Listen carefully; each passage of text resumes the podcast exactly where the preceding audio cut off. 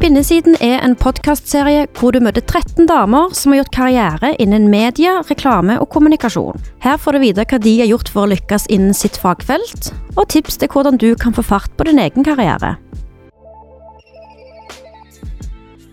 Jeg heter Kaja, og i dag skal jeg møte Sanda Sahirovic, brandmanager i smykke- og klesmerket Tom Wood. Hei, Sanda. Hei. Du og meg har eh, en del ting til felles, Mhm. fordi eh, vi har begge uh, jobba i motebransjen i London, og begge har gått på Kingston University. Ja. Eh, kan ikke du fortelle litt om hva du studerte på Kingston? Eh, jeg studerte grafisk design, bachelorgrad. Eh, så det var tre helt fantastiske år. For kanskje sånn som du vet i Kingston, så er det jo ikke så mye design eller teknisk man lærer. Man lærer ganske mye om hvordan man skal tenke og utvikle konsepter. Så det var vel ikke kanskje før jeg begynte å jobbe at jeg faktisk lærte hvordan man designer en logo, eller eh, en pakkedesign, eller en utvikle et brand, da. Så hele skolen gikk jo ut på å lage de crazieste konseptene, så det var litt mer retta mot kunst, kanskje, enn eh, tradisjonell design. Ja. Og der var du i tre år. Tre år, ja. Mm. Hvordan var det for deg å få jobb som nyutdanna i London, for det er jo ganske tøft å få iallfall betalt jobb? Ja, um, det er en ganske morsom historie, egentlig. Um, i, jeg var jo ferdig på skolen i 2008. Uh, det var jo da verdensøkonomien raste sammen. Mm. Så det var jo først og fremst ikke så mye jobb å få. Eh, Det andre var jo at jeg klarte å brekke albuen min tre måneder før eh, graduation. Den høyre albuen min, vel å merke, så det var jo Money Making Machine eh, knakk sammen. Men det bare gjorde at jeg bare ga bånn gass og var litt sånn Dette her skal jeg få til, jeg skal lande internships. Fordi det er det man må gjøre der, at man må ha internships først. Helst liksom opptil seks måneder, kanskje et år, før man får eh, en fast jobb, da. Så det jeg gjorde, var jo da at jeg bare samla alt jeg hadde av skisser og div i noe som jeg kalte en portfolio, med denne her brukne albuen, og bare dro ut uh, og banka ned dører. Uh, og jeg klarte å få tre internships rett etter sommeren, som tilsvarte da ca. seks måneder med internships etter skolen, og de var betalt, og det var veldig Ja. sjeldent. Ehm, så jeg, i mitt hode så var jo det bare flaks, sant, fordi det var jo ingen som søkte etter internships så tidlig, eller at de leita etter folk eh, så tidlig, så jeg var litt sånn ja ja, det er jo bare jeg som er ute her med den med gipsen min og mappen min. Men eh, heldigvis, jeg sier heldigvis, så det er den siste internshipen mitt, som var i Antidote, som var et reklame- og designbyrå, de, eh, de ansatte meg i januar eh, 2009. Så du fikk fast jobb? Så jeg fikk fast jobb midt i eh, finanskrisen. Så det var jo bare, Da var det bare sånn takk og ja. Det hadde ingenting å si hva jobb det var, eller om du likte det eller ikke, eller Når man jobber som intern, eller til og med når man første faste jobben sin som en juniordesigner i eh, London, i hvert fall, så skal man bare liksom være heldig at man får lov til å være i det rommet sammen med seniorer eller kreative ledere og den slags. Så jeg eh, liksom sorterte biblioteket, det var mye printing, montering på kapaplater, for det var jo ikke presentasjon på skjerm på den tiden. Så man er jo en slags runner, da. Man uh, gjør alt drittarbeidet, Uh, og man blir tatt med i møter bare fordi ja, du er jente, vi har ikke jenter, og dette er et liksom jentebrand, så du må bare være med, men du får ikke lov til å si noe, du skal bare sitte der, liksom. Eh, Men i den første jobben min så var jeg utrolig heldig. Jeg hadde en sykt flink seniordesigner som satt rett ved siden av meg, og han tok meg litt sånn under vingene.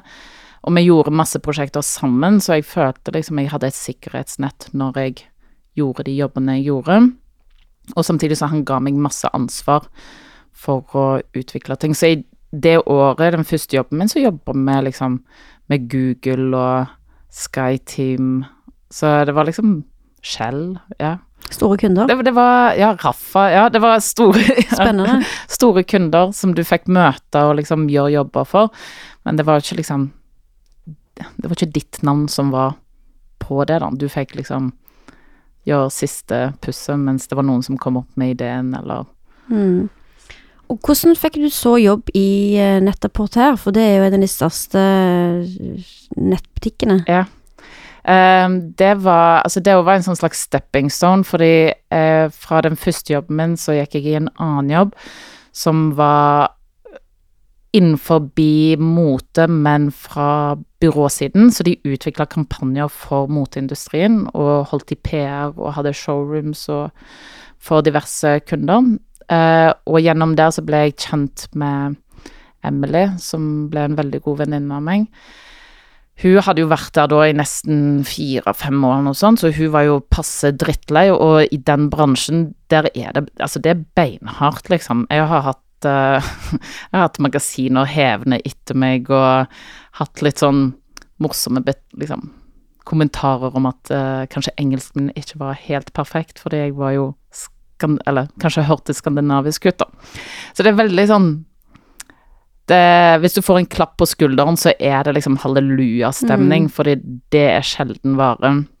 Det motsatte er som oftest uh, uh, vanlig. Og Emily var jo tydeligvis litt eh, lei av å jobbe akkurat der, så hun fikk jobb i Nettaporter.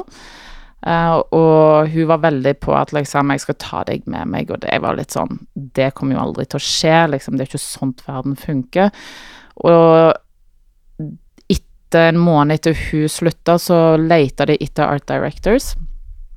Og i England så er art director en helt annen greie enn her, på en måte. Da er man på en måte som en slags kreativ eh, idéskaper, og du har ansvar for fotoshoots i første omgang, liksom. Så når de leita etter det, så søkte jeg. Jeg var på tre intervjuer. Jeg hadde en sånn opptaksprøve som tok en uke.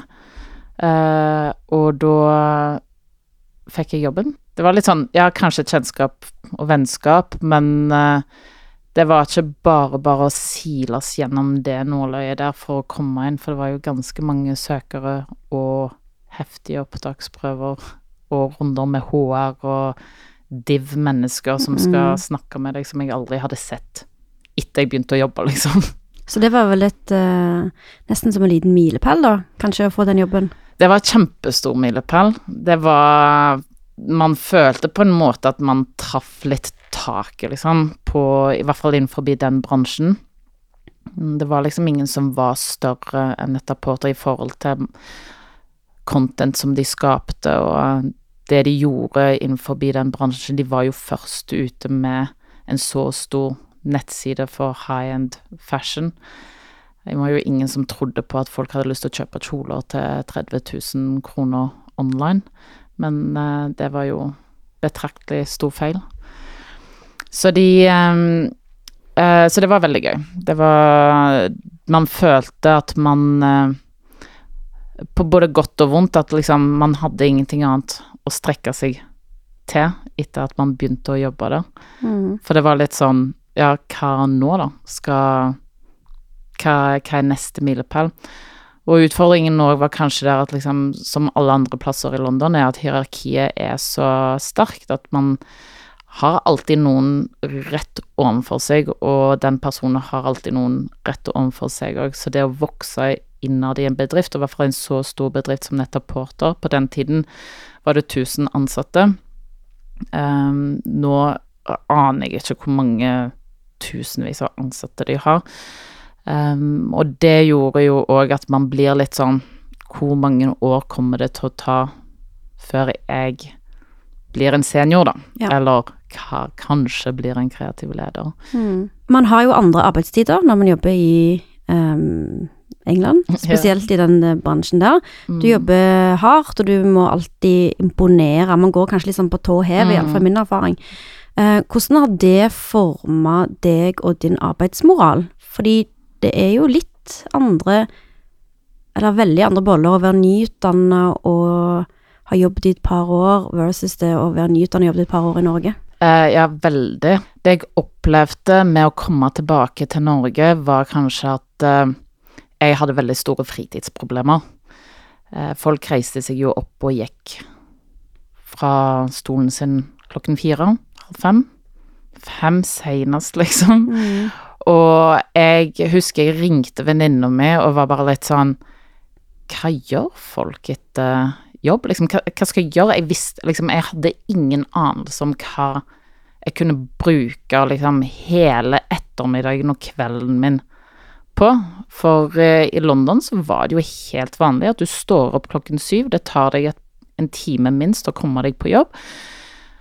Og du er på jobben til syv, så du er ikke hjemme før eh, åtte-ni. eh, og der var dagen din, liksom. Mens eh, her så hadde jeg plutselig den liksom, Jeg var jo ferdig fem, og jeg hadde jo en hel kveld jeg kunne bruke ting på. Så venninnen min var bare sånn Ja, du kan begynne å trene, du kan eh, se på serier, du kan gå tur. Og jeg bare What? Det, Går det an? Går det an, liksom? Så det tok meg ganske lang tid å venne meg til det, men det det gjør òg Jeg tror kanskje den største forskjellen som jeg tror mange ikke ser det fra, altså fra Norge-siden, da, hvis man skal si det, eh, er at eh, jeg har aldri sett folk jobbe så effektivt som de gjør her hjemme. Eh, For man vet at man er hjemme av Altså, man er på jobb fra ni til fem, og du skal gjøre det du skal gjøre i løpet av den tiden. I London så var det egentlig mye mer en livsstil, så det gjorde liksom ingenting hvis du tok en halvtime ekstra Mm. lunsj, eller hvis du gikk og Drakk litt te og ja, Ja. ja. drakk litt te, tok deg litt vin til lunsjen, eller gikk og gjorde Stakk til banken midt i arbeidstiden, fordi man visste at man kom til å jobbe tolvtimersdager uansett. Mens her er, så, er folk mye mer effektive, så jeg, på en måte så går det litt sånn opp i opp. Uh, jeg uh, Men det var veldig vanskelig å se at folk uh, kanskje ikke var like dedikerte til jobben sin som de var Som man er der borte, fordi når man, jobb, når man er på jobb så lenge, så er jo det eneste man går rundt og tenker på. Eh, så det var det jeg kanskje savna i begynnelsen, at um, folk Altså, folk hadde fritid, liksom. Hva skal de med det? Du har jo jobben din, det skal Ja. jo holde massevis. Men jeg ser jo nå at eh, det kanskje var ikke en så sunn livsstil i lengden, da. Nei. Eh, så du jobba et par år i Stavanger, i Mhm. et byrå der. Ja, i Melvar og co. Mm. Mm. Og så flytta du til Oslo. Flytta til Oslo for to år siden. Ja. Og da fortell litt om det du gjorde i Anti. I Anti så jobba jeg som eh, strategisk rådgiver, og der eh, begynte jeg eh, først som frilans, og så fikk jeg tilbud om fast eh, stilling i advertising-avdelingen. Og det var første gangen jeg jobba med reklame på den måten. Uh, hadde jobba tidligere med de forskjellige for, altså kampanjer for mote. Uh, jobba, når jeg jobba i Stavanger, så var det jo liksom reklame- og designbyrå. Så vi hadde liksom forskjellige nivåer av det, mens dette her var liksom reindyrka advertising-avdeling.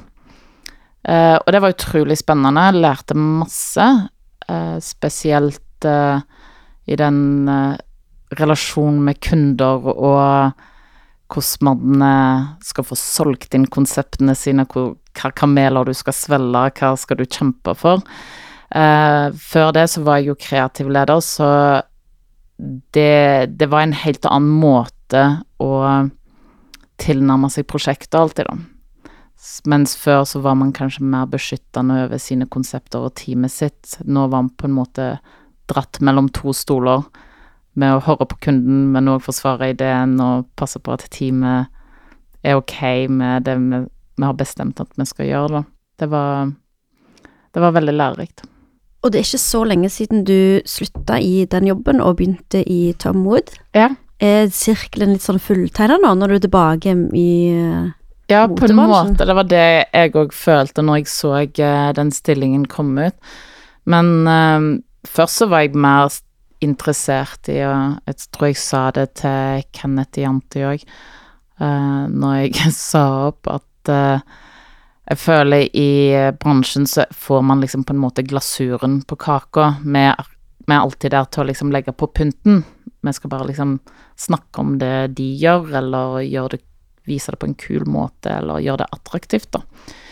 Mens å jobbe for kundesiden, så får man mulighet til å være med og lage faktisk hele kaken. Man får se og lære hvordan man gjør, gjør det, da. Og jeg tror det var det som kanskje frista meg mest, uavhengig av bransje, var å få den erfaringen fra kundesiden for å prøve å forstå hvordan den siden av prosessen funker. Um, og det Men så var det jo liksom Når man da får mulighet til å, å jobbe for en merkevare som man tror på, og produkter som man kan ha på seg og stå for og være stolt over, så gjør det jo noe helt annet med, med kredibiliteten din overfor den jobben du har, istedenfor hvis jeg skulle liksom jobbe for Nokas, da. Jeg har jo absolutt ingen interesse av det. Så det, må, det var liksom veldig viktig for meg i den prosessen at det, det var noe jeg kunne stå for, da. Mm. Og hva er det du gjør der? Fordi du er brand manager, men hva innebærer det? Uh, brand manager kan man uh, definere på mange måter, uh, og i hvert fall når man jobber i en oppstartsbedrift som Tomwood. Vi er jo elleve ansatte, og det er type én person i hver avdeling, så man Så du er din egen avdeling? Jeg er min egen avdeling, og jeg har òg på en måte blitt et eget byrå på én person. man gjør alt for at sjappa skal gå rundt, at vi skal um, få levert og få solgt og promotert på alle mulige flater, uh, og samtidig ivareta at merkevaren er på det nivået den skal være, og at den ser bra ut, og at vi ikke liksom dette lasset en eller annen plass. Vi har mange forskjellige utsalgssteder, og det er utrolig viktig når vi står ved siden av Balenciaga, liksom at vi ikke ser ut som et lite, liten merkevare fra Norge, men at vi ser og opptrer oss på samme måte, da. Eh, men den jobben innebærer alt fra liksom fotoshoots og kampanjeshoots som folk tenker liksom dette det er hele livet ditt, liksom, til, til å liksom lage nyhetsbrev, forstå Facebook-annonsering, som har forandra seg dritmye i de siste årene, har jeg skjønt. Uh, liksom Google AdWords, presse, utlån, uh, events med influencers Så liksom plutselig så er Altså, jeg trodde jeg var potet før, men nå, nå er jeg liksom helt klart en King Edward av uh, poteter. Så du får brukt det du har Altså, du får brukt kompetansen du har opparbeidet deg fra før, men allikevel lærer veldig mye nytt hele tida, høres ut som. Det er jo kjempespennende. Ja, det, det er akkurat det jeg òg føler, at liksom jeg får plukt fra alle disse her årene med erfaring, så liksom Ja, dette har jeg jo gjort en gang før, der og da, men uh, nå gjør man det hele tiden samtidig. Uh, og den største forskjellen fra å jobbe i byrå til å jobbe på kundesiden, som jeg opplevde, var at i byrå så er man så vant med prosjekter, sant. Du har en begynnelse, du har en midtdel, og du har en slutt hvor du liksom lever, fakturer, ha det bra, vi ses til neste prosjekt. Og sånt går det, og du har kanskje tre, fire, fem prosjekter gående samtidig. Og samtidig så har man prosjektleder hvor du kan si fra at hei, nå er det litt for mye, jeg kan ikke ta på meg mer nå. Mens her er det bare ett prosjekt, og prosjektet er Tom Wood og alt det innebærer. Så det er 20 baller minst opp i luften samtidig. Eh, alt skal helst leveres for to dager siden, eh, men det innebærer med at det går Altså, grunnen til det er jo at det går så fort. Og at det er en eh, Vi vokser òg så fort at man må på en måte bare følge med og få gjort de grepene man trenger for at uh, det skal bli bra, da. Det er noe jeg har veldig lyst å, å spørre deg om, og det er om foredraget ditt om eh, bløffersyndromet. Ja. Hva, hvordan eh, kommer du på å lage et foredrag om det? Fordi du går rundt og eh, tror at du er en bløff sjøl, og til mhm. slutt så klarer du ikke å holde det inne lenger, og du må si det ut høyt. Og når jeg sa det ut høyt for første gang, så sa ei venninne til meg, og hun bare sånn Hæ, føler du sånn? Er du helt gal, liksom? Du som har gjort så mye, og liksom Bare masse skryt tilbake. Og jeg bare klarte ikke å kjenne meg igjen i det hele tatt. Jeg var jo helt på nippen av en breakdown, for jeg trodde liksom at hele karrieren min har jeg bare Jeg bare lata som, liksom. Jeg har bare landa på det, det var flaks. Jeg kjente Emily, jeg kjente liksom noen i bransjen. Var på rett plass til rett tid. Så alt var på en måte litt sånn tilfeldigheter i mine øyne, da. Er det en sånn damegreie, eller Er det, er det like som, mange menn som har det? det er utrolig mange som spør det, men det er Ifølge det jeg har lest, da, så er 70% av alle mennesker uh, i hele verden har opplevd det å ha bløffersyndromet. Mm. Og det er så langt ingen bevis på om det er flere kvinner eller menn. Altså, eh, statistikken tilsvarer at det er typ 50-50. Og det som er morsomt, er at hver gang jeg har holdt dette her foredraget, så er det flere menn som kommer bort til meg etterpå og takker for at jeg legger ord på dette her, eller eh, at de endelig skjønner hva den klumpen i magen er, da. Eh, Wow. Ja, det, og det er, det er veldig gøy. Ja, det er god Um, respons. Veldig god respons, og så, er det, så har jeg lært at det er så allment, liksom. Jeg tror det er så Alle kjenner seg på en måte litt i det, om du jobber i kreativ bransje eller ikke. Og de fleste blir jo bare litt sånn Oi, shit, det er det er ekte, da. Det er ikke bare noe jeg har dikta opp i hodet mitt, eller det er ikke bare meg, det er noen andre òg som føler det samme. Så det, det er utrolig Det er utrolig gøy. Det er jo mange toppledere som har kommet fram og sagt at eh, i starten eller i midten av sin karriere så hadde de òg bløffersyndromet. Mm. Eh, hva er ditt råd til andre som er midt oppi det og opp, kjenner på det akkurat nå? Ja. Jeg har liksom Foredraget mitt avslutter med liksom fem, fem ukvalifiserte tips om du skal komme gjennom det, fordi jeg Altså, helt ærlig, jeg får fortsatt vondt i magen når sjefen min sier 'hei, kan jeg ta en prat med deg', så er jeg liksom skrå... Jeg, altså, jeg er bombesikker på at nå får jeg fyken, eller nå har jeg gjort noe gale, eller nå får jeg kjeft, Mm. eller Altså, det å få liksom sånn der bra jobber med den, det er bare sånn utenkelig at det, liksom det skal komme. Men liksom Jeg har fortsatt ikke blitt kalt inn på kontoret for å få sparken, liksom, så det, det noe Det er er der. uh, men uh, det kanskje det beste rådet var jo rådet jeg fikk av uh, faktisk min kjæreste, som sa til meg liksom Sanda, du må huske at de smarteste i rommet er de som stiller mest spørsmål.